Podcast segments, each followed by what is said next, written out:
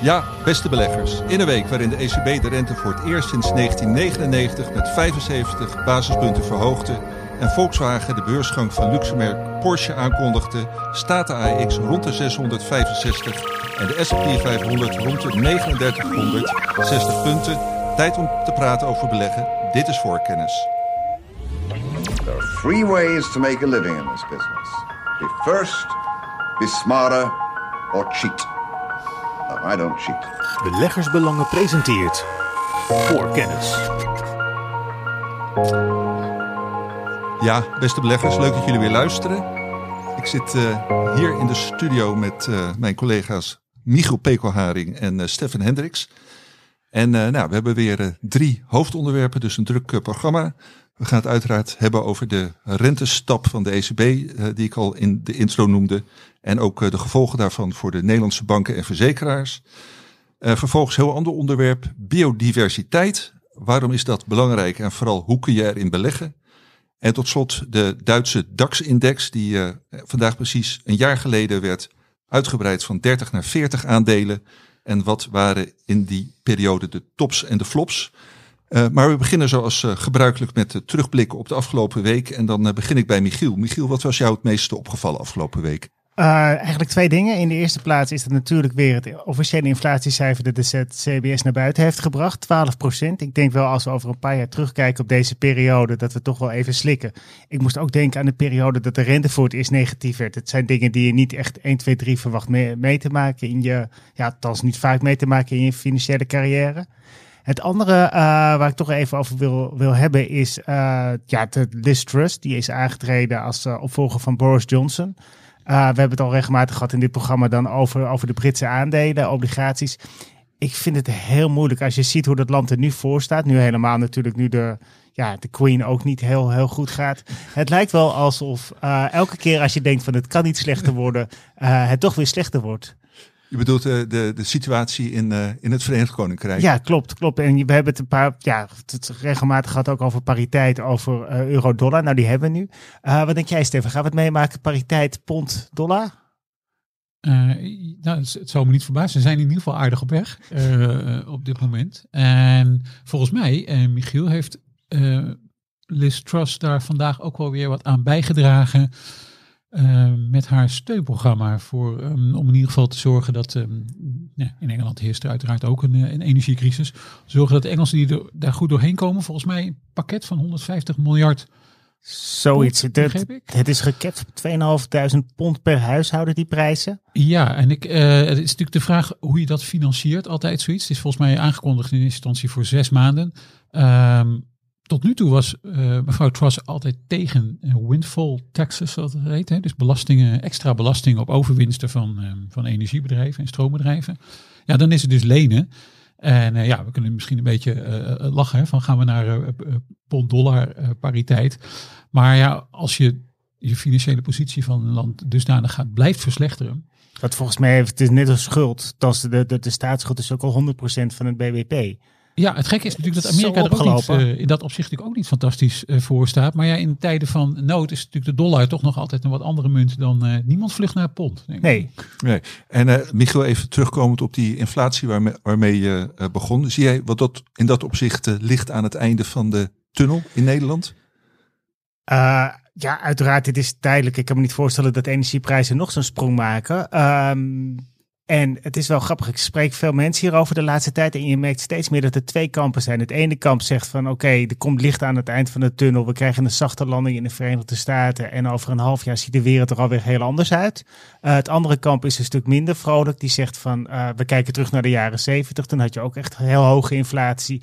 En uh, de, de les is eigenlijk wat, wat Volkner toegedaan heeft, de baas van de Fed in de tijd, is gewoon echt keihard die inflatie bevechten door die rente heel hoog op te voeren. Ja. En dan uh, krijgen we uh, ja, eigenlijk een soort van replay wat we in de, de eerste helft van het jaar al hebben gehad op de obligatiemarkt. Dan gaan we nog een keertje een rotperiode tegemoet. En uh, ik, ik hoop op het eerste, ik vrees voor het tweede. Um, ik durf me er niet op vast te leggen. Stef, ik ben wel benieuwd, hoe kijk jij je dan tegenaan? Ja, kijk, ik zou ik denk op een gegeven moment vallen de effecten natuurlijk van die uh, prijsverhogingen jaar op jaar op een gegeven moment weg. Hè, als ze ja. niet maar door blijven zetten. Dat is natuurlijk één ding. Eh, je zou ook kunnen zeggen dat de, eh, de stijging van energieprijzen en sowieso de stijging van de prijzen in het algemeen, dan zorgen, zoals de Engelsen altijd zo vrij zeggen, voor demand destruction. Hè? Gewoon afnemende vraag. Eh, ik, volgens mij heb ik hier in die podcast wel eens eh, gerefereerd aan het tekst van het goede doel, geloof ik. Eh, eh, alles draait om de eenvoud, een liedje. Eh, nou, niet in de podcast waar ik in zat. Oh, maar nou ja, goed, dat volgens eh, mij hoeft niet alles te zongen zij begin jaren tachtig Oké. van al- als de prijzen blijven stijgen, krijg je uitval van de vraag. Dat was volgens mij de songtekst. Oké, Ehm, ja, en dat, dat is natuurlijk ook een inflatiebeperkend iets. Maar dat gaat dan wel gepaard met een forse recessie waar denk ik ook niemand op zit te wachten eerlijk gezegd. Ik ben vooral heel erg benieuwd wat het met lonen uiteindelijk ook gaat doen. Ja. We hebben natuurlijk nu, hè, zien al her en der wat stakingen. eh, Ja. Onder andere bij de NS bijvoorbeeld, waar heel veel mensen dan wel wat van merken. Maar ik ben ook benieuwd hoe dat verder gaat natuurlijk. Want eh, uiteindelijk, hè, dat is wel, eh, wat inflatie doet. Eh, de, de koopkracht, en daar zullen we eh, in de maand september vermoedelijk vanuit Den Haag Ja. nog een heleboel over gaan horen. Ja, die holt natuurlijk achteruit bij Ja. dit soort eh inflatiecijfers. In het verleden had je de vakbonden die een stuk sterker waren. In het verleden had je ook inflatieverwachtingen die een stuk hoger zijn dan dat ze nu zijn. Nu zijn mensen eigenlijk in slaap gesust met jarenlang van extreem lage inflatie. Is dat verschil voldoende om die loonstijgingen in de, ja, zorgen dat ze niet de pan uitreizen? Ja, ik ben met je eens, situatie is misschien wel anders. Eh, en ik zie de loonstijgingen nu ook nog niet echt hard doorkomen, eerlijk gezegd. Maar dat zou, eh, kijk, op het moment dat die doorkomen, blijft die inflatie natuurlijk wel langdurig hoog. Want ja, dan maakt krijg je de, de loons, loonprijsspiraal. Ja, ja. Ja, Ik, ik heb het idee dat dat in de VS ook veel sterker speelt dan hier in Europa. Die hebben natuurlijk een veel dynamischere arbeidsmarkt. Ehm, veel makkelijker om over te stappen. Ik zie, dat, ik zie dat in Europa. Ik, ik kan me niet voorstellen dat zoiets ontstaat. In zo'n zo'n starre markt, zelfs met die lage werkloosheid die we nu hebben, dat, dat we eh, echt, echt zo'n zo'n loonredding gaan krijgen. nee. Eh, Steffen Schut. En eh, ja, goed, we, we weten het natuurlijk, we weten het natuurlijk niet. En het is sowieso een onderwerp waar we ongetwijfeld de komende weken en zelfs maanden op terug gaan komen. Ik wou dan aan jou vragen, Steffen, wat zijn de dingen die jij het belangrijkst vond afgelopen week? Nou ja, al weken en weken en weken lang, en dat gaat misschien ook nog wel even door, blikken we natuurlijk terug op wat er op de Europese energiemarkt gebeurt met de uitgangsprijs, de Nord Stream 1 pijpleiding die nu dan eh, dicht eh, eh, of helemaal afgesloten wordt, waardoor de aardgasprijzen weer stijgen.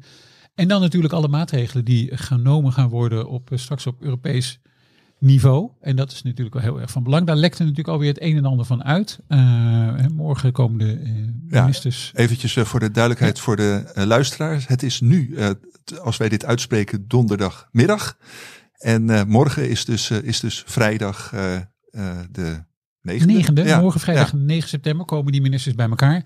Nou, er is dan wel het een en ander over uitgelekt hoe Europa dan eigenlijk die enorme prijsstijgingen wil eh, aanpakken. Een van de punten die zeg maar wel van belang zijn voor de eh, nutsaandelen die ik volg, is bijvoorbeeld, het gerucht gaat nou alleen nog maar, het is nog niet bevestigd, maar de, dat er een prijscap gaat zitten op eh, elektriciteit die opgewekt is eh, met ehm, nou, zeg maar duurzame energiebronnen. Dus niet zozeer eh, gas, maar wel wind- en zonne-energie. Die zou op 200 euro per megawattuur komen. Ehm, dat is lager dan de forwardprijzen in Duitsland waren de afgelopen tijd. Maar tegelijkertijd kennelijk weer hoger eh, die, eh, dat, dat gerucht dan beleggers hadden verwacht. Want gisteren, woensdag dus, vlogen de koersen van een aantal van die eh nutsbedrijven, onder meer RWE, omhoog. Kennelijk omdat dit wel meeviel. Ja, ja. Want in Spanje hanteert men volgens mij wel die 100 eh, euro per megawattuur. Ehm, dus ja, dat, dat blijft wel een heel belangrijk thema dit natuurlijk. Ook voor die nutsbedrijven. Want ja, ik, ik zou bijna denken, ik heb zelf ook RWE, dus een kleine disclaimer in portefeuille. Ja, als die 200 euro blijft staan, dan eh, kijk ik denk ik wel de komende tijd met heel veel genoegen naar mijn RWE-aandelen. Dus ik, ik heb ook een beetje, ja, zou bijna denken, het is too good to be true voor dat soort bedrijven. in ieder Ja. Nou, we gaan het, eh, we gaan het afwachten later deze week. Eh, en eh, jij had nog andere punten die je wilde noemen, Steffen. Jazeker, en ik ga proberen wel zo, zo kort mogelijk houden. Nou, je doet het eh, goed hoor. Ehm, nou ja, gekoppeld aan die energieprijzen zijn Ja. natuurlijk ook de prijzen voor emissierechten. En daar is op zich wel weer iets bijzonders mee aan de hand. Die bereikten een eh, eh, recordhoogte, of althans het beleggingsproduct daarvoor, de Wisdom Tree Carbon ETC. Eh, die bereikte een, een record, volgens mij op 19 augustus uit mijn hoofd.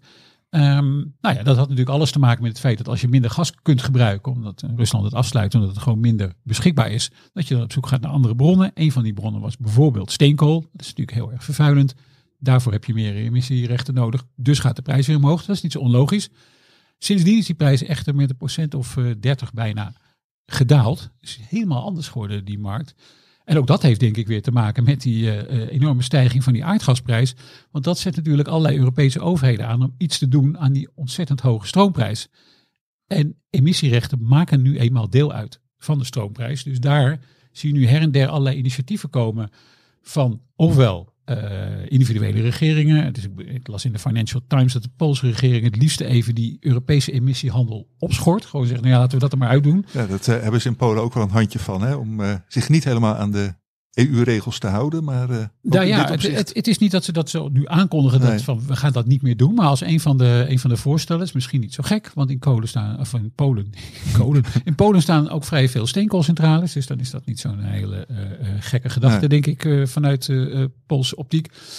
Nederland heeft volgens mij voorgesteld, nou ja, laten we de, de verkoop van uh, die emissierechten die zo ieder jaar gedaan wordt, dan wel wat naar voren halen, zodat die markt wat uitgebreid wordt. Nou dan kan die prijs ook weer wat omlaag. Dan komen er weer verhalen vanuit de Europese Commissie.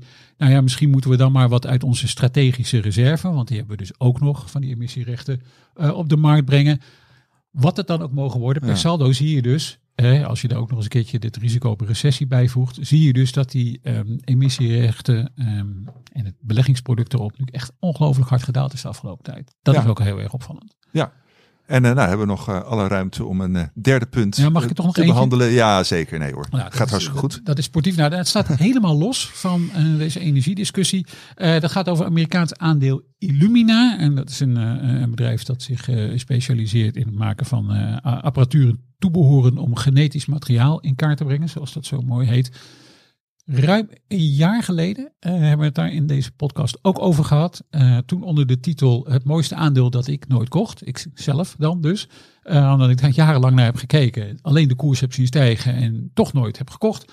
Um, afgelopen augustus toen we het erover hadden. Toen zei ik nou ja, ik blijf nu nog even aan de zijlijn. Een van de redenen daarvoor was dat um, Illumina wilde het bedrijf Grail overnemen. Wat voortkomt uit Illumina zelf. En Grail is een bedrijf dat innovatieve oncologietesten ontwikkelt. Um, nou ja, daar kregen de, uh, kreeg Illumina niet echt de handjes voor op elkaar bij de toezichthouders. Dus in Amerika was men eigenlijk al tegen, de FTC, de Amerikaanse toezicht, uh, mededingingsautoriteit moet ik zeggen. Um, ja, en dat Illumina had een beetje een aparte week. Want begin van de week wonnen ze dus een hoge beroepszaak tegen de FTC. Mm -hmm. Dus dat betekent dat in Amerika daar misschien wel de toestemming voor kwam. In Europa, um, waar uh, Grail niet actief is, daar zei de Europese Commissie, nou, wij, wij geven geen goedkeuring aan die overname. Waardoor um, ja, eigenlijk die overname alsnog weer op losse schroeven ja, staat. En ja. ik eigenlijk geen idee heb wat um, Illumina nu met Grail verder zou moeten doen. En hoe lang men dit nog wil laten voorbestaan. Want dit is nogal een slepende zaak. Ja, en, en uh, nou ja, voor de zekerheid, je hebt het aandeel nog steeds niet.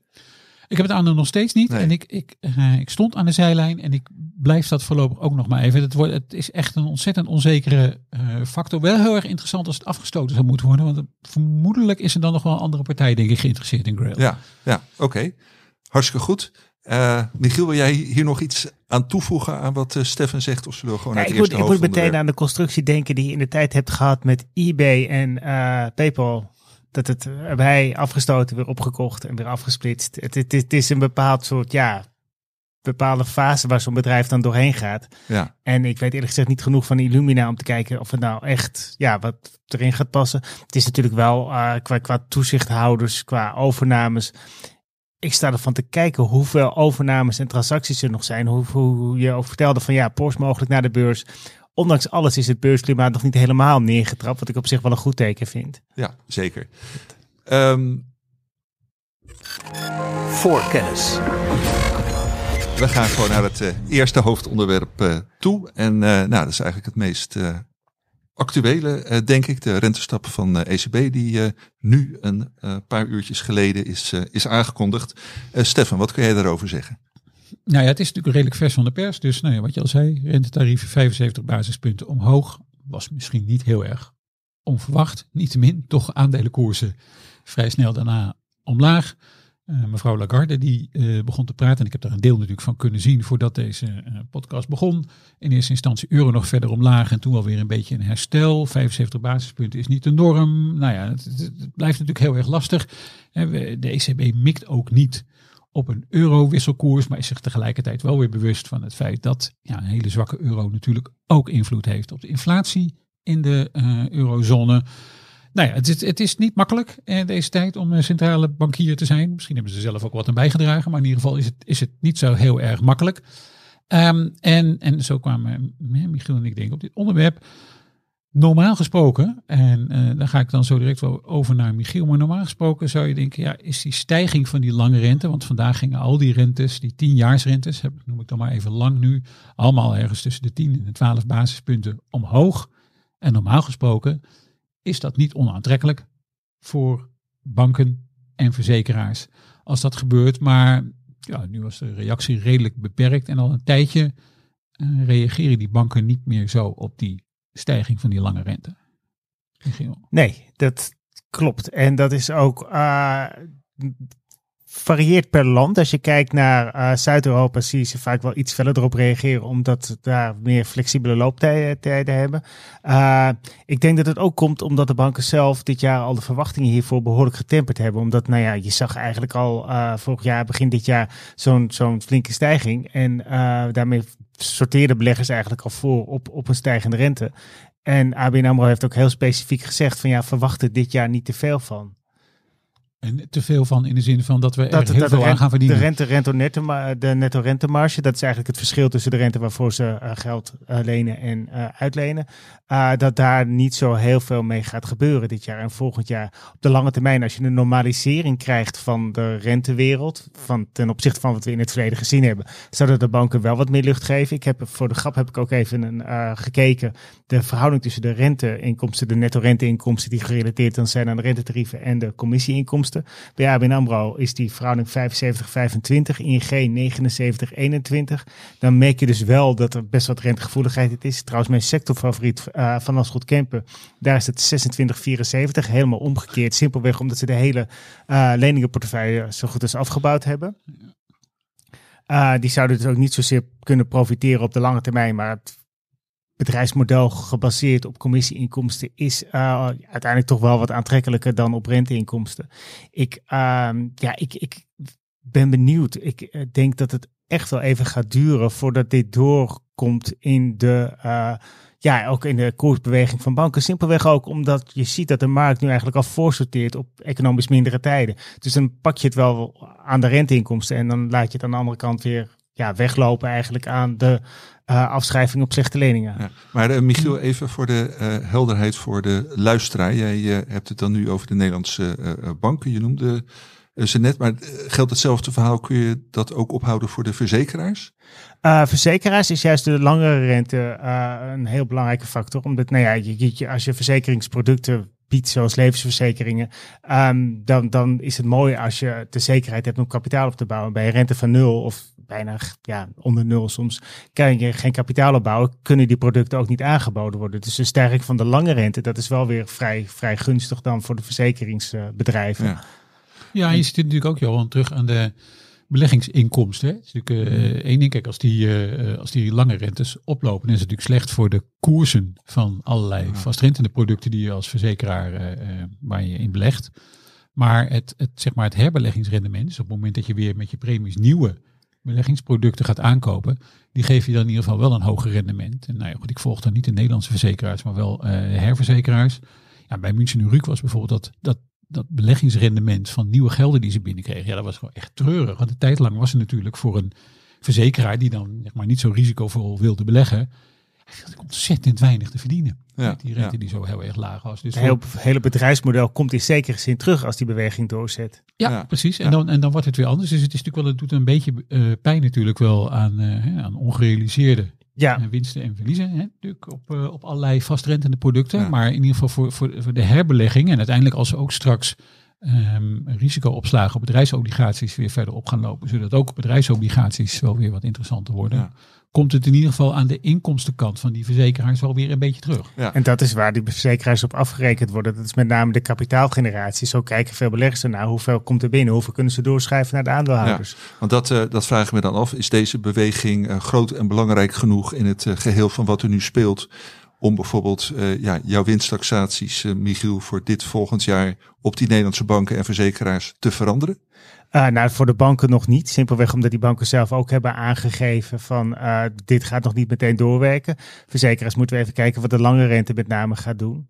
Ja. Uh, maar daar zie ik op zich, de, die, die zijn nu, nu al stuk voor stuk koopwaardig. Ja, nee, want dat uh, valt mij inderdaad uh, ook op dat jij uh, in ieder geval over sectorfavoriet Egon en, en ook NN groepen behoorlijk positief bent. Ja. En, en nou, ASR in zekere zin met een houtadvies ook de toekomst niet, niet verkeerd inziet. Dus uh, ja, blijft wel gewoon een interessante uh, hoek. Om Liever de verzekeraars dan de banken in deze tijden. Ja, ja, ja. dat is ook een beetje de reden, Johan, dat ik bijvoorbeeld in de hoogdividendportefeuille geen bank hebben, maar wel die verzekeraars. Ja. Zoals hij, je, en ook daar let ik, nee, net als Michiel, maar ik let nog veel meer eigenlijk op die kapitaalpositie met het, met het idee van wat Michiel net ook al zei, van hoe, hoe meer kapitaal er is, hoe meer er kan naar ons als aandeelhouders. En dat is natuurlijk voor een uh, hoog dividendportefeuille ook heel erg interessant. Dat die verzekeraars maar in staat zijn om hè, het kapitaal verder op te bouwen. Dus die zorgen dat die solvabiliteitsratio ja. goed is. Ja, die is uitstekend. Ja, en hoe beter die is, hoe meer er natuurlijk uh, inderdaad, zoals Michiel al zei, naar jou als aandeelhouder komt. En bij die banken, ja, de, op zich is dat wel interessant. Dus ik had ook nog een, een grafiek gemaakt, vijfjaarsgrafiek. En gewoon de index van banken uit de eurozone afzet tegen de Duitse tienjaarsrente. Normaal gesproken zie je daar wel een redelijk verband in. Dus op het moment dat die, lange rente, lange Duitse rente daalt, dalen in principe ook de koersen van die banken uit de eurozone. Stijgt die lange rente, dan stijgen zij een beetje mee. En eigenlijk sinds begin maart is dat er wel uit. Dus die lange rente die vliegt verder wel omhoog. Alleen die koersen van die banken volgen lang niet zo, of volgen nauwelijks nog eigenlijk, um, zoals ze dat daarvoor wel deden. En dat, ja, volgens mij heeft dat heel veel te maken met wat Michiel net al zei ja, het is natuurlijk uh, hartstikke leuk dat die misschien die, um, er iets aan, aan die netto rentemarge gedaan kan worden. Maar op het moment dat je heel veel probleemkredieten krijgt en heel veel moet toevoegen. Je moet niet vergeten dat natuurlijk ook, we hebben die hele coronacrisis gehad. En in die periode zijn heel veel bedrijven overeind gehouden. Er is eigenlijk een hele faillissementsgolf, die is, die is voorkomen. Ja, maar ja. nu komen we erachter, wacht even, hij is niet voorkomen, hij is uitgesteld. Ja. Dus ik denk dat die beweging waar, waar Stefan het over heeft, dat het vooral een signaal van beleggers is van wacht even, uh, er gaat nog wat komen bij die banken. Ja, en uh, nou ja, goed, we hebben het natuurlijk uh, over de winstgevendheid dan van verzekeraars en banken. Iets anders, ja, daarmee samenhangend uiteraard de dividenden die ze uitkeren. En dat is ook een belangrijke reden om in verzekeraars te beleggen. Um, ja, zie je daar op korte termijn ja, iets veranderen? Ik ben benieuwd later dit jaar naar de, de dag van NN Group. Dat is volgens mij half november wat er dan gaat komen.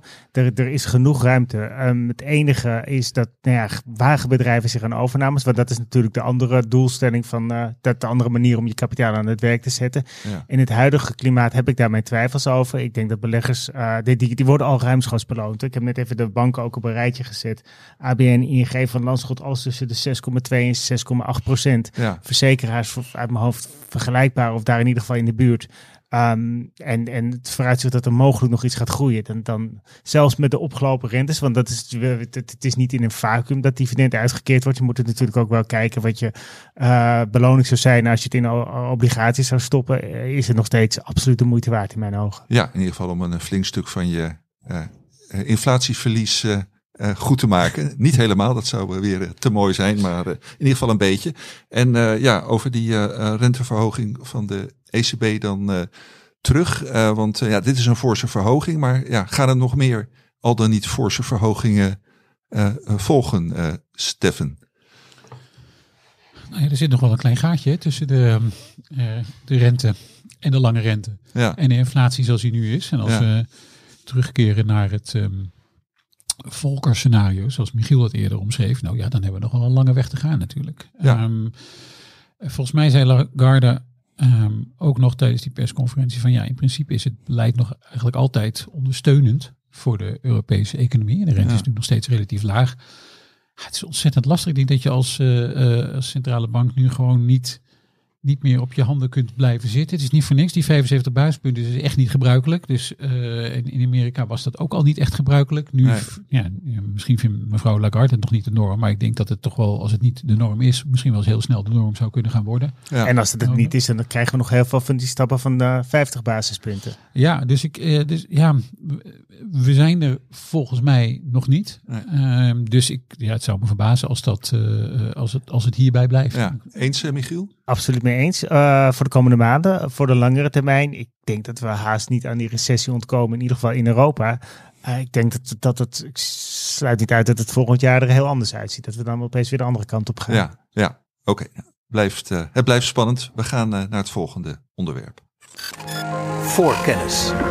Nou, dat is, uh, vind ik, vind ik uh, leuk. is totaal iets anders dan uh, wat we de afgelopen maanden hebben gedaan. En ook wat tot nu toe in deze podcast ter sprake is geweest. Namelijk biodiversiteit. Bij beleggen misschien niet het eerste waaraan je denkt. Maar Michiel die kan heel goed uitleggen waarom biodiversiteit belangrijk is. Ook voor de, voor de financiële markten. Kun je daar wat over zeggen, Michiel? Absoluut. Voordat ik ga doen, dat ga doen, wil ik eerst nog even kort terugblikken op wat tips. wat, wat, wat duurzame ETF-tips die ik eind vorig jaar gegeven heb. Uh, het resultaat is nou ja, vergelijkbaar met de markt. Maar het viel me op dat de grootste verlies, dat was de BNP Paribas Easy Low Carbon 100 Europe ETF. Ja. Grote bedrijven, lage CO2-uitstoot. Ja, door die energieprijzen uh, die omhoog zijn geschoten, zijn energie vervuilende energiebedrijven ja. ook gestegen. En die zitten nou juist niet in die ETF. Zo zie je maar weer dat je zelfs met duurzaam beleggen op de korte termijn toch wel ja, soms ernaast kan zitten. Aan de andere kant, uh, grappig is dat de Lixer Global Gender Equality ETF slechts 5% lager staat. Wat natuurlijk op zich binnen dit jaar een prima prestatie is. Hoe komt dat? Die zitten vooral in healthcare. Ik zie Stefan al Ah. kijken. dus dat is... Uh, Dus het zit niet zozeer in het feit uh, dat daar misschien heel veel vrouwen aan de top zitten, als wel gewoon dat dit een, een sectorspel is. Een beetje een sector bias, inderdaad. En dat is wel een van de dingen ook met, met, met beleggen op de korte termijn, uh, met, met name met die duurzame strategieën, kan je afvragen van is het wel verstandig om te doen, om inderdaad bedrijven uit te sluiten. Ik ben ervan overtuigd dat het zich op de lange termijn wel degelijk uitbetaalt, simpelweg ook door uh, dat je bij die bedrijven verandering uh, afdwingt, wat je ook hebt gezien op het gebied van CO2. Nou, duurzaam beleggen denkt iedereen bijna meteen aan CO2. Uh, het mooie is, het Stockholm Resilience Center, die hebben een soort van diagram gemaakt van de aarde en alle grote bedreigingen. En uh, dan zie je eigenlijk dat CO2 zijn we nog wel, hebben nog wel kans om de ergste ellende te voorkomen. Um, ander voorbeeld, de ozonlaag. Die, daar hebben we de ergste ellende al voorkomen, maar biodiversiteit, daar gaat het straks pijn doen. En het valt me op, ik krijg de laatste uh, maanden eigenlijk al van steeds meer ja, grote internationale asset managers speciale berichten over hoe zij om willen springen met biodiversiteit. En het de rode draad daarin is eigenlijk dat ze dat nog niet precies weten hoe ze dat moeten doen. Simpelweg, uh, het mooie van CO2 is dat je het heel makkelijk uh, kan, kan vangen. In zoverre, je hebt één indicator en het maakt niet uit waar het in de, ja, in het, in de dampkring terechtkomt. Het is overal evenveel, even schadelijk en alles wat voorkomen kan worden is prima. Uh, biodiversiteit is in de eerste plaats heel lokaal gebonden natuurlijk, omdat je die ecosystemen hebt. Uh, denk aan het groot barrière en als je dan aan de andere kant van de wereld iets doet, dan heeft dat eigenlijk heel weinig direct effect erop. Het tweede is dat je ook allemaal verschillende oorzaken ervan hebt. Dus dan weet je ook niet van, uh, daar met CO2, als je de energiesector aanpakt, wat we nu natuurlijk doen met de Green Deal, dan heb je heel veel, heb je een heel groot stuk te pakken. Dit is veel meer divers. Het heeft over, over bevissing, um, uh, noem maar op, uh, bemesting, uh, de, de, invasieve soorten die uitgezet worden. Dat kan van alles en nog wat zijn. En uiteindelijk heeft het nou, enorm veel invloed natuurlijk op het leven op onze planeet. Ja, maar die, die asset managers waar jij dan contact mee hebt, Michiel, die dit dan ja, een belangrijk onderwerp vinden, ook een onderwerp waarmee ze worstelen. Wat is ja, hun professionele belang om hiermee bezig te zijn? Uh, het is een soort van goed stewardship. En je wil natuurlijk ook weten van, wacht even. Uh, je ja, hebt het goed stewardship bedoel je daarmee van... Uh, nou ja, goed, goed beleid. Je wil als ja. asset manager er goed op staan. En uiteindelijk werkt dit ook Na, door. Naar, naar, het, naar het grote publiek laten zien dat je dit soort onderwerpen... Ja, en vooral ook naar de institutionele partijen met wie ze samen dienen. Die ook steeds vaker naar de duurzame ontwikkelingsdoelen kijken. Grote pensioenfondsen die rekenen hun ja, hun, degene die op hun geld passen, niet alleen af op het financiële rendement, ook het duurzame rendement. Dit weegt een grotere rol. Je ziet met CO2, het komt terug in regelgeving, het komt terug in subsidies, het komt op allerlei manieren, komt het Ja. ook terug in de financiën van een bedrijf. Dat gaat met biodiversiteit ook gebeuren. Ja, want je ziet natuurlijk eh, echt heel erg lang en heel erg veel dat eh, bijvoorbeeld pensioenfondsen zich eh, uitspreken over eh, fossiele brandstoffen, over eh, eh, wapens. En dit is er dan eentje die, die ook eraan zit te komen. Dat- Absoluut. ja. Het grote voordeel is, we hebben heel veel geleerd van, van het klimaatprobleem. Heel veel van het, ja, van de, het ligt al een blauwdruk van hoe we dit kunnen aanpakken. Ja. De ellende is, we lopen achter. Het loopt ongeveer zes jaar achter als ik de specialisten mag geloven die ik spreek. En Ja, het is niet waar, eendimensionaal. waar, waar lopen we achter? Van, Als je kijkt naar de klimaatbijeenkomsten, als je Ja. kijkt naar de doorbraken die daar op dat gebied gemaakt zijn, eh, lopen we qua biodiversiteit bij de aanpak daarvan ongeveer zes jaar achter. ten opzichte van? Van het klimaatbeleid, van Ja, de ja. CO2. eh. Ja, oké. En, en Michiel, want wat ik op zich wel eh, twee eigenlijk opmerkingen, schuine streep, vragen die ik daarover heb. De eerste is natuurlijk dat het, het hele concept duurzaam beleggen eh, nu toch ook wel redelijk onder vuur komt. Van wat is nou precies duurzaam? Ja. Meten we dat goed? Eh, wordt daar ook niet veel fraude of in ieder geval wordt er niet mee gerommeld? En- Greenwashing, kijk naar de Greenwash. invallen bij Deutsche. Ja. Bijvoorbeeld, hè, DWS was het natuurlijk, Ja. maar er zijn ook andere eh, waar het. En het tweede, wat me nog wel intrigeerde, kijk, je zei het is ook lastiger te meten. En je zou eigenlijk natuurlijk, als je duurzaam wil beleggen en je wil ook iets goeds doen, dan wil je ook eigenlijk wel iets, je geld daar naartoe brengen waar je denkt, nou, daar kan ik in ieder geval zien Daar ik dat het ik het verschil, ja, daar het maak ik duurzame verschil. rendement. Ja. Ja, ja, ook vooral, het, daar maak ik het verschil. Dus, dus wat is de, hoe, hoe pak je dat dan aan als je het lastig kan meten?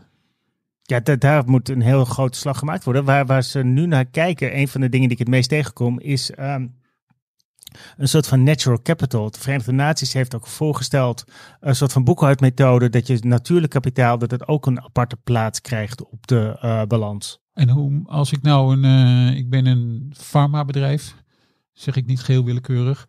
Ehm, hoe, hoe, wat zet ik dan? Moet ik dat op de balans zetten, dat natuurlijk kapitaal? Of moet ik dat, wat, wat zou ik er dan mee moeten doen? En wat is het dan eigenlijk? Ja, daar, daar gaan de discussies nu over. Dat moet de komende jaren uitgekristalliseerd worden. Ik vind het ook wat dat betreft wel lastig, omdat je eh, als bedrijf op heel veel manieren impact hebt op, een, ja, op de wereld. Dus waarom een bedrijf, je maakt medicijnen die mensen beter maken. Je geeft mensen lonen. Aan de andere kant komen er misschien bepaalde stoffen vrij bij de productie van die medicijnen. Ehm, en eh, je ziet steeds meer ja, vermogensbeheerders ook eh, als een soort van optelsom van dat soort dingen naar zo'n bedrijf kijken. Die proberen daar een kaartje aan te hangen en die nemen dat dan mee in de beoordeling van hun bedrijven.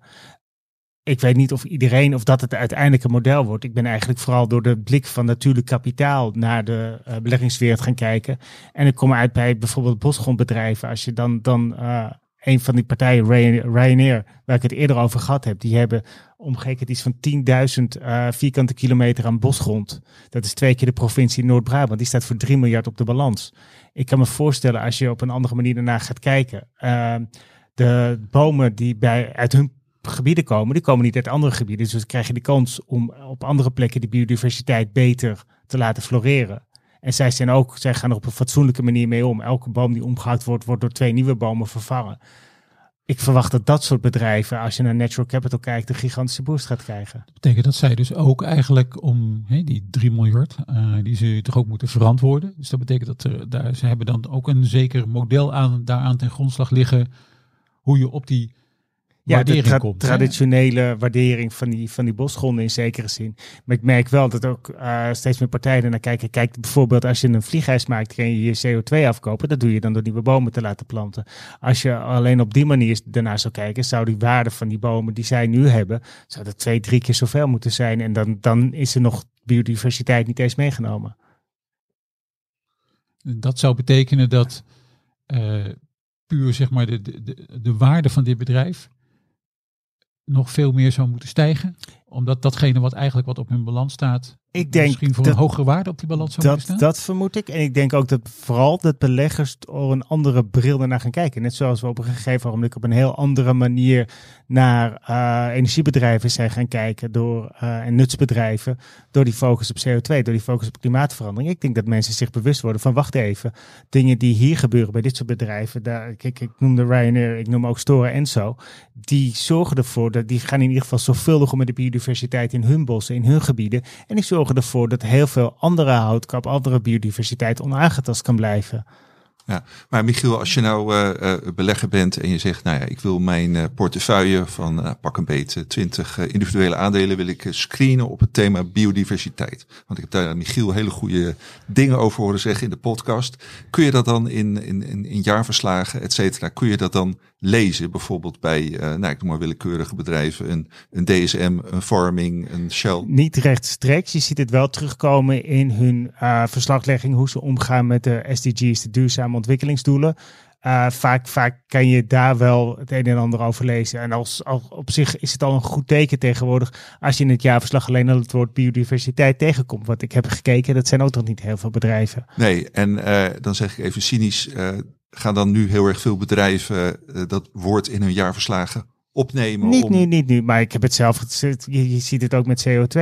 Eerst, eerst was het gewoon een afterthought en tegenwoordig staat het ongeveer, uh, is het, het, het, qua doelstelling, netto nul doelstelling is even belangrijk bijna als de verlies en om, of de Ja. winst- en omzetdoelstellingen. Ik denk dat de wereld er over vijf jaar heel anders uitziet en ik denk dat dit een goede manier is om daarop voor te sorteren. Ja, nee, maar het, waar het mij meer om gaat is, als je dit als belegger belangrijk vindt, ja, kun je dan eh, eh, op, een, op een goede, heldere manier inzicht krijgen in wat een bepaalde belegging doet met bio- biodiversiteit. Nog niet, nog niet. Die regels zoals je eigenlijk nu financiële verslaglegging hebt voor de winsten en verliezen en omzetten, die zijn er al. Dit moet nog helemaal uitgedokterd worden, net zoals het eigenlijk is gebeurd met die CO2-boekhouding. Ja. En eh, de certificaten waar Stefan het net over had. Ja. Dit, dit moet nog gebeuren. En jouw boodschap is, dat gaat wel gebeuren. Dat is wel Ik zie het als- gebeuren. Mag ik nog één heel speculatieve tip eruit gooien?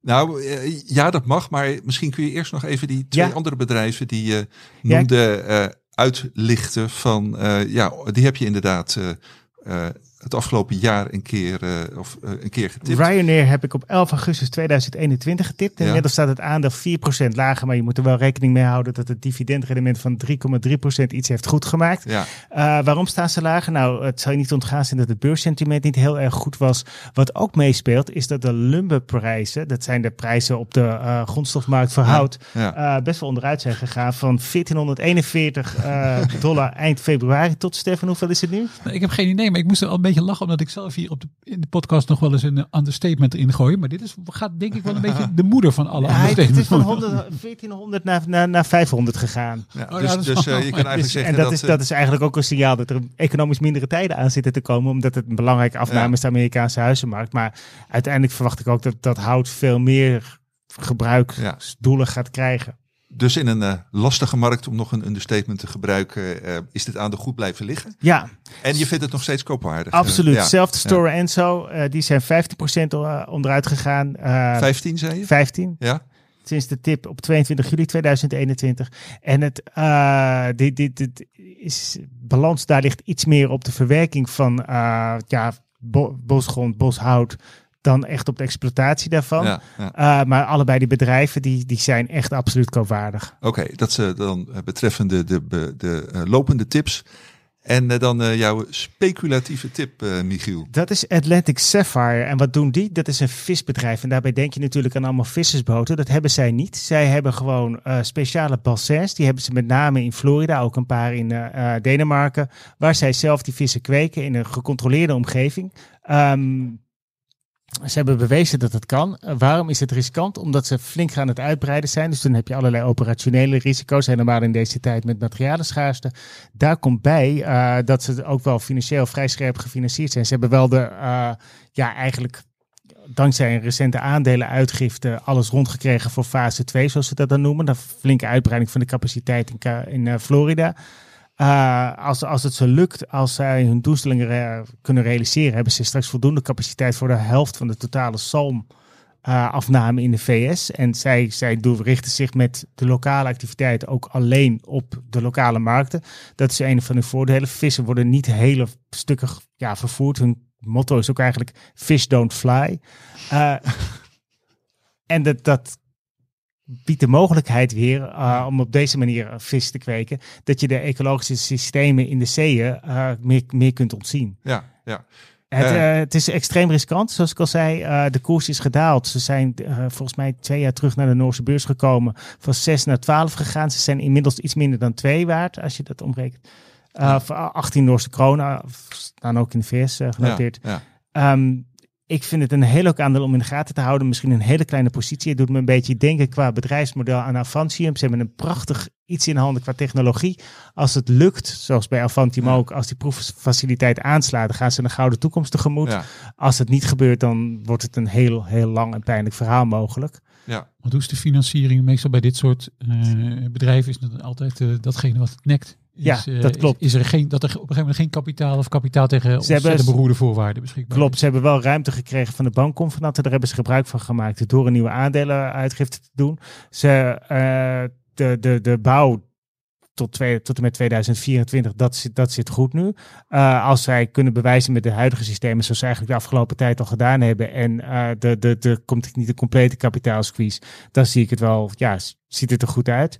Ehm, maar wat ik zeg, het, het is behoorlijk riskant, wat ook al aangeeft dat die koers volgens mij met 70% gedaald is. En eh, ik Ja. zou dat niet eerder als, als instapniveau hebben durven aangeven. En dit, we hebben nu een niveau bereikt dat ik denk van ja, dit is, het is een hele, hele mogelijk mooie gok. Ja. Oké, met, eh, met die eh, omschrijving kunnen we leven. Atlantic Sapphire. Ehm, we gaan eh, dit eh, onderwerp afsluiten. Voorkennis. Ja, ik eh, hoorde volgens mij nog een extra galm, maar eh, dat kan aan mij liggen. Eh, de Duitse DAX-index bestond eh, nou, vele jaren lang uit, eh, uit 30 eh, aandelen. Precies een jaar geleden kwamen daar er 10 bij. En eh, nou, eh, Stefan die had, heeft het daar een jaar eh, geleden over gehad in deze podcast. En ja, die wil nu wel eens even terugblikken wat de tops en flops waren. En nog vast wat andere dingen. Wat kun je erover zeggen, Stefan? Jazeker. Dus inderdaad een jaar geleden in deze podcast hebben we het ook gehad over die uitbreiding van de DAX. Die, ehm, nou, dat wordt natuurlijk altijd heel mooi gezegd van de DAX moet een betere afspiegeling worden van de Duitse economie en van de Duitse beursgenoteerde bedrijven. En we krijgen meer spreiding, et cetera. Dus moeten we van 30 naar 40. Ehm, in de praktijk eh, was natuurlijk ook het Wirecard-schandaal eh, aanleiding om de boel daar in Duitsland is een beetje op te schudden. Niettemin, eh wie dem sei, zoals de Duitsers zeggen, werd het eh, uiteindelijk van DAX 30, DAX 40. Er kwamen er inderdaad tien bij. Ehm, wel een beetje een interessante groep. Dat zei ik toen al. Eh, veel bedrijven met een relatief kleine weging. De grootste was Airbus. Niet, echt een specifiek Duits bedrijf. Had natuurlijk al een notering in, eh, in Frankrijk. Dat was degene met de grootste weging. Nou ja, als je nou na een jaar kijkt. En er is natuurlijk weer eh, een, een, een, nou ja, een herziening geweest van die index. Maar daar komen we zo direct op. Na een jaar eigenlijk van die tien. Want jij zei de tops en de flops. Maar eigenlijk is het ja, misschien een beetje de, de, de flops en de flops. Want er zitten niet heel veel tops in. Het heeft inderdaad eh, uiteraard alles te maken met het beursklimaat. Uh, maar in ieder geval eentje die zo ongeveer break-even is gebleven. Dat is Kiagen. Dat is een uh, bedrijf dat allemaal testapparatuur maakt. Uiteraard natuurlijk ontzettend um, geprofiteerd van de coronacrisis. Want heel veel testen zijn ook van hen afkomstig. Nou, dat bedrijf heeft het redelijk goed gedaan. Dan er is een groepje dat ongeveer in lijn met de DAX is gedaald. Dus die hebben niet van die hele gekke koersbeweging laten zien. Dus dat zijn Airbus, um, Porsche, Simrise, uh, Siemens Healthineers en Brenntag. Um, dus bekend en onbekend wat erbij zit, denk ik. Dan heb je een beetje een, een heel klein middengroepje met Sartorius en Puma, respectievelijk 25 en 40 procent in de min. En dan hebben we de categorie uh, onvoorstelbare kneuzen. En dat is Hello Fresh en Zalando. En ook dat verbaast natuurlijk niet, want hè, die... die uh, nee, dus de Duitse te tegenhangers van Just Eat Takeaway. Ja, dat type bedrijf uh, is kapitaalintensief, erg hoog gewaardeerd. Vermeend snelle groeier of snelle groeier, maar um, snoeihard afgewaardeerd. Dus ze zijn allemaal tussen de 70 of beide tussen de 70 en de 75 procent gedaald. Um, dus ja, zo bezien uh, hebben die nieuwkomers eigenlijk niet zo heel veel bijgedragen aan de, uh, de DAX. Nou ja, vooral hebben ze er heel veel afgehaald. Ja. Het, het sneuwe eigenlijk is dat het, de, de hele doelstelling om zo'n index eigenlijk een wat moderner karakter te geven. Dus niet alleen maar die, wat je dan zo traditioneel Duitse bedrijf zou willen noemen. Hè, dus die zwaar leunen op chemie en op industrie, zoals mm -hmm. auto, Bayer, BASF, dat soort bedrijven, de financials.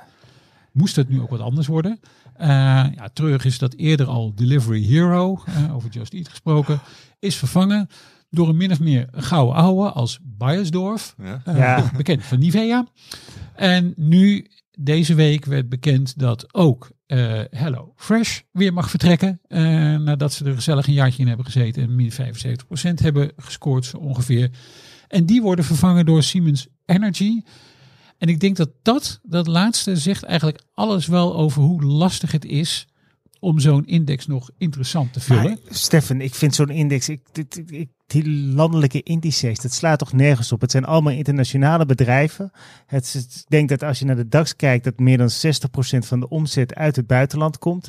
Ehm, het is leuk als nationaal gevoel. Het is leuk om eh, als, als beurszender of, of iets over de AX te kunnen praten.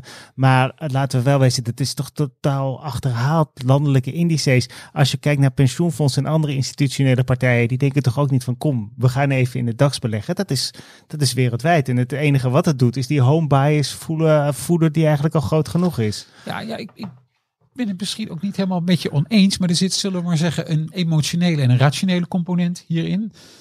Ja, de rationele component is dat je op zich gelijk hebt, dat je misschien beter naar een wat bredere index kan kijken. En er zijn er in Europa verschillende waar je naar zou kunnen kijken. De MSCI Europe bijvoorbeeld, of de Stock 600. En denk, nou, dan heb je een soort tegenhanger van de S&P 500, hè, voor, voor het Europese blok. Ja, praktijk leert toch dat ehm, in, in Nederland, Nederlandse beleggers toch ook wel hun prestaties misschien afmeten. Aan, aan de AEX. De stand weten van de AEX. En misschien Ja, niet, dit- eh, hè, niet Ik zozeer... snap het emotioneel, maar als je naar de Amerika kijkt, iedereen heeft het over de S&P. Als je, niemand gaat bijvoorbeeld kijken uh, de Nebraska-index of iets anders. Is het niet? Nou ja, je zou kunnen zeggen, dat was natuurlijk een tijd lang de Dow. eh, ook geen ideaal geval. Dus put it mildly. Ehm, maar in Amerika hebben ze natuurlijk de luxe van de S&P 500. Dus die hebben daar al een Ja. hele bekende, brede index die door, eigenlijk door, de, door iedereen wel gevolgd wordt. Ook door Amerikaanse particuliere beleggers. Ja, dat ligt in Europa nou eenmaal anders. Als ik op de Duitse televisie zo, volgens mij is het altijd zo tegen achter, wel het, eh, de, de beurzenblik bekijk. Ja, dan gaat het over eh, de DAX en dan gaat het over Duitse bedrijven. Dus ja, die, die home bias, die, die geldt natuurlijk. Ja, je kijkt toch ook een beetje naar bedrijven waar je bekend mee bent, waar je misschien in contact mee komt. Voor een Nederlander is het misschien logischer om zich te verdiepen in het aandeel ING dan in een BNP. Ja. Of in een Deutsche Bank. En dan denk ik van ja, die kom ik verder hier niet tegen. Dus ik, ik weet het ook niet echt. In het geval van ING is het trouwens, heb je groot gelijk als je je daarin verdiept in plaats. Maar dat, Fair enough. Maar dat is, eh, dus, dus, dus dat blijft eigenlijk een, eh, eh, dat blijft eigenlijk een beetje. Dus die, eh, ik snap ook wel natuurlijk dat die dat eh, die landen. Het is een beetje misschien een Europees probleem bijna. We willen natuurlijk aan de ene kant hebben we allerlei Europese instituten en Europese samenwerkingen. Eh, maar we zijn tegelijkertijd ook nog Nederlander en Duitser en Fransman, et cetera. Ja, want ik Eh. begrijp eh, dat dan de ja, professionele belegger dat hij zich er sowieso niks van aantrekt. Maar het is dan echt puur op de particulier gericht dat hij het leuk vindt, het grote publiek, om, om zich daaraan te meten. Nou, er zit natuurlijk ook nog wel gewoon, misschien ook nog wel her en der institutioneel geld in, die, in zo'n in een DAX ETF. Bijvoorbeeld, een DAX is ook nog wel een, een benchmark, denk ik, voor een aantal eh, fondsen eh, die gewoon in Duitse aandelen eh beleggen. Dus het is misschien niet helemaal een, een, een, een particulier feestje. Een groot land, eh, grootste economie van de eurozone als Duitsland, is niet zo gek, denk ik ook dat hij een eigen beursindex heeft. Het probleem alleen is, en dat eigenlijk wilde ik illustreren met dit, hoe lastig het is, zelfs voor een land als Duitsland, een grote economie met veel grote bedrijven, om zo'n index eigenlijk fatsoenlijk te vullen met, met, met goede aandelen. Eh, want ehm, eh, als ik even terug mag komen op waar ik eh, gebleven was toen ik zo bruut onderbroken door Michiel, was dat natuurlijk Hello Fresh eruit gaat. Dus die, Ja. dus die, die poging zeg maar om, die, om zo'n index te verfrissen. Te zeggen, nou, dit zijn, we gaan nu op zoek naar die wat jongere bedrijven, wat snel groeiende bedrijven, die misschien een, een betere afspiegeling zijn van onze economie. Kom je dan dus kennelijk toch weer uit. Delivery Hero eruit. Bayersdorf van de Nivea crèmes en shampoos en, en deodorants. En bij Hello Fresh, Ja. die dus begin deze week, eh, waarvan bekend werd dat het begin deze week uit de index eh, moet. Althans, het Ja. gebeurt allemaal op 20 september uit mijn hoofd. Ja, die wordt dan vervangen door nog maar eens een Siemens. Ja. Want we hadden al eh, Siemens, eh, uiteraard. Eh, toen kwam er bij vorig jaar, bij die nieuwe samenstelling, kwam Siemens Healthineers erin. Eh, en nu, en dat is natuurlijk ook een klein beetje armoedig, komt Siemens Energy er nog in. En uh, dat geeft voor mij wel aan hoe verdraaid lastig het is, ook in Duitsland, om, die, uh, om zo'n index nog ja, te gaan vullen. Je zou kunnen zeggen, nou ja, Siemens Energy die doen ook wel iets met duurzame energie. Hè, want ze maken uiteindelijk ook ja. uh, uh, windmolens, want die hadden weer een belang in Siemens Gamesa. Maar het is allemaal niet... Maar, maar wat zijn dan de, de criteria voor de indexmakers om ik, bepaalde bedrijven wel Ik wou het vragen, maar ik durfde Stefan niet nog een keer te onderbreken. Nee, maar daar doe ik het uh, dan... Was het, was het dezelfde vraag? ja, absoluut. Ja, het, het doel, en dat is natuurlijk van de, van de Duitse beurs, het doel was gewoon om die index een betere afspiegeling te laten zijn. dus er moesten ook andere sectoren, andere bedrijven in terugkomen. Er zijn natuurlijk ook allerlei uh, criteria als in uh, beurswaarde, verhandelbaarheid, et cetera, die, die daar een rol bij spelen. En dan kom je natuurlijk ook uit bij die grote bedrijven. Want ja, Siemens Energy is, ondanks dat de koers daarvan ook behoorlijk on, onderuit gekomen is, ook nog steeds een groot bedrijf. En Airbus was natuurlijk ook nog steeds een groot bedrijf. Ja. Maar het is gewoon lastig, um, veel lastiger natuurlijk dan in de Verenigde Staten bijvoorbeeld het geval is, om ja, zeg maar dat nieuwe bloed naar die beurs te krijgen en om succesvolle grote nieuwe bedrijven. En in Nederland zijn we ook niet super verwend, maar we kunnen in ieder geval nog zeggen, we hebben de Adyen daar dan nog aan, uh, aan toegevoegd recent. Just Eat zit erin. Ook geen uh, onverdeeld genoegen geweest natuurlijk voor, uh, voor beleggers. Maar dus ook in Duitsland ja. is dat heel erg lastig. En ja, en dan als je dan een jaar verder bent. En je kijkt eigenlijk naar de bijdrage van al die, uh, al die aandelen. En wat er nu dan ook eigenlijk alweer uit is. Hè, van wat er dan terecht is gekomen van die goede bedoelingen ooit van de Duitse beurs. Ja, dan vraag je af, was dit nou gewoon een nutteloze exercitie die daar is gedaan? Ja. Nou, dit, laten we nou niet helemaal negatief eindigen. Kijk, er zijn ook best wel hele aardige bedrijven bijgekomen. De weging ervan is allemaal erg klein, zo 1,2, 1,3 procent in de DAX. Maar en Kiagen, Simrise en Sartorius, dat zijn gewoon interessante, weliswaar ook wel wat langer uh, bestaande bedrijven in, in twee gevallen. Maar dat zijn ook gewoon interessante bedrijven waar het helemaal niet zo slecht is, denk ik, dat daar misschien wat meer interesse komt ook van uh, beleggers en misschien ook nog wel van institutionele beleggers. Dus het is, ik zou het experiment niet als helemaal mislukt uh, willen beschouwen. Maar het blijkt wel verdraaid lastig om, um, om die DAX 40 echt met fatsoenlijke bedrijven ja. op een goede manier te vullen. Ja. Michiel, jij volgt ook een aantal uh, Duitse bedrijven. Volgens mij zijn dat meer de, de zwaargewichten. Uh, ja, dat zijn de, de, de grotere namen. Bayer en Allianz. Ja. Uh, Allianz eigenlijk equivalent van de Nederlandse verzekeraars. Goede vooruitzicht. Alleen hebben zij de ellende dat ze een hele ja, nare periode achter de rug hebben in de Verenigde Staten. Met rechtszaken om wat hedgefundsen die geïmplodeerd zijn. Dus die zijn koopwaardig op basis van het dividendrendement alleen al. En ze zijn gewoon heel solide als je kijkt naar hoe, ze, hoe ze het verdeeld hebben over verschillende verzekeringstakken. Ja, ja. Um, ik zou ze niet echt per se de voor, voorkeur geven nu boven Nederlandse verzekeraars als NN Group en Egon. Uh, Bayer is wel een ander verhaal. Die, die zijn behoorlijk gedaald, simpelweg ook omdat ze uh, minder vaart stoppen achter de afhandelen van de claims. Ja. Van uh, ja, Monsanto eigenlijk.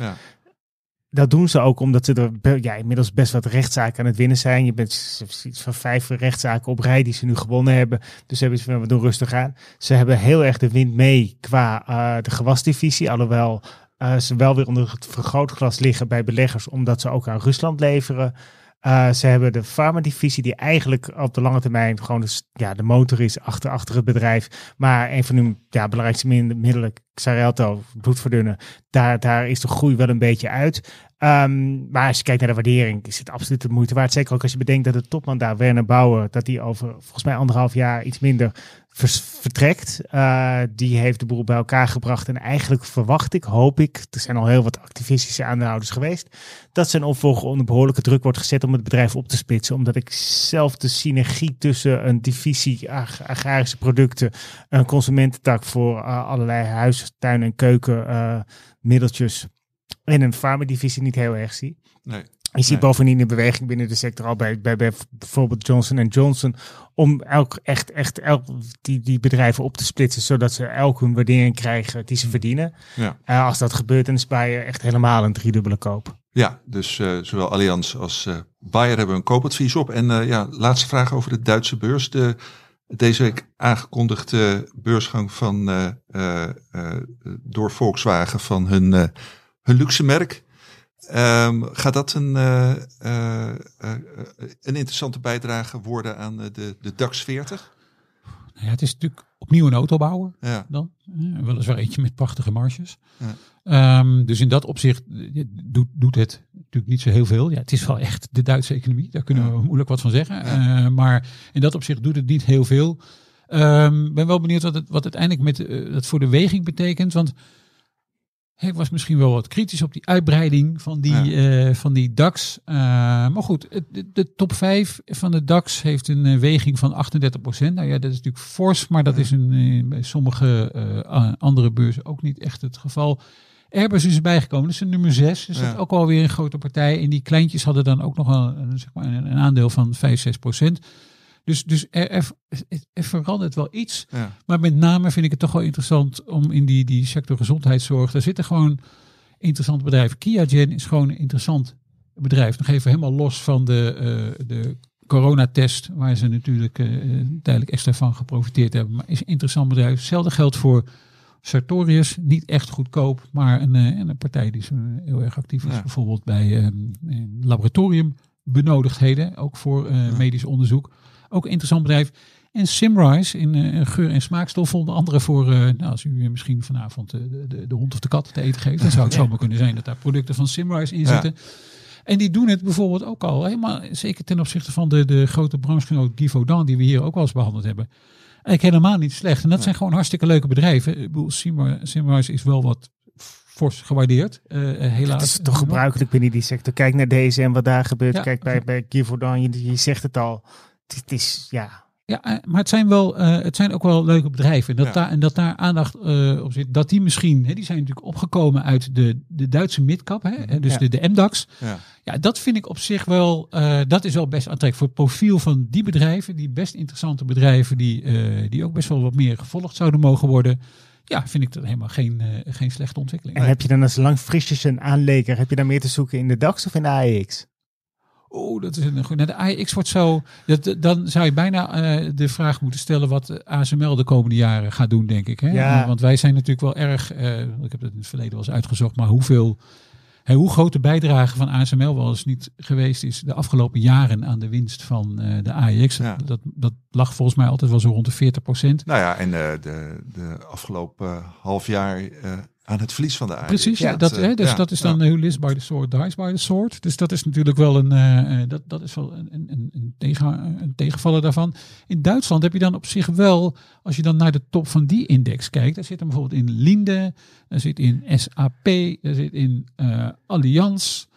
eh, daar zit ook nog in, eh, kijk, Deutsche Telekom zit daar eh, natuurlijk nog in. Dus nou ja, dan heb je wel een, een ja, als je in die top kijkt, is het al wel redelijk. Siemens hoort er ook nog bij. Dan heb je wel een redelijk gevarieerde bedrijven. Dat vind ik dan ook wel weer aardig. Dus ja, ehm, de variëteit is groot. In Nederland is behoorlijk zwaar in tech en financials natuurlijk. Ja, en, en dan hebben we natuurlijk nu die, die, die, die twee eh, zeg maar traditionele eh, reuzen Shell en, eh, en Unilever Ja. er nog in zitten. Dus op zich is die Duitse in- index best interessant. Maar ja, vooral ook die, eh, eh, die, wat, die wat kleinere partijen. Ja. Ik, vind, ik, bedoel, ik vond het zelf ook leuk dat die, dat die Ja. er, eh, erbij kwam. Ik, bedoel, ik heb al volgens mij al heel lang geleden eens een keertje Kia Gen getipt. Is gewoon een interessant bedrijf. Vind ik nog steeds een interessant Nou, laten we die bedrijf. tip in ieder geval in de show notes zetten. Kunnen mensen dat nog eens uitgebreid lezen. En laten we anders gewoon over een jaar nog eens even verder kijken hoe het met, de met de DAX is gegaan. Misschien keert het zich nog Kijk, er nog goede. 40 in zitten. Dan. Ja, Voorkennis. nou.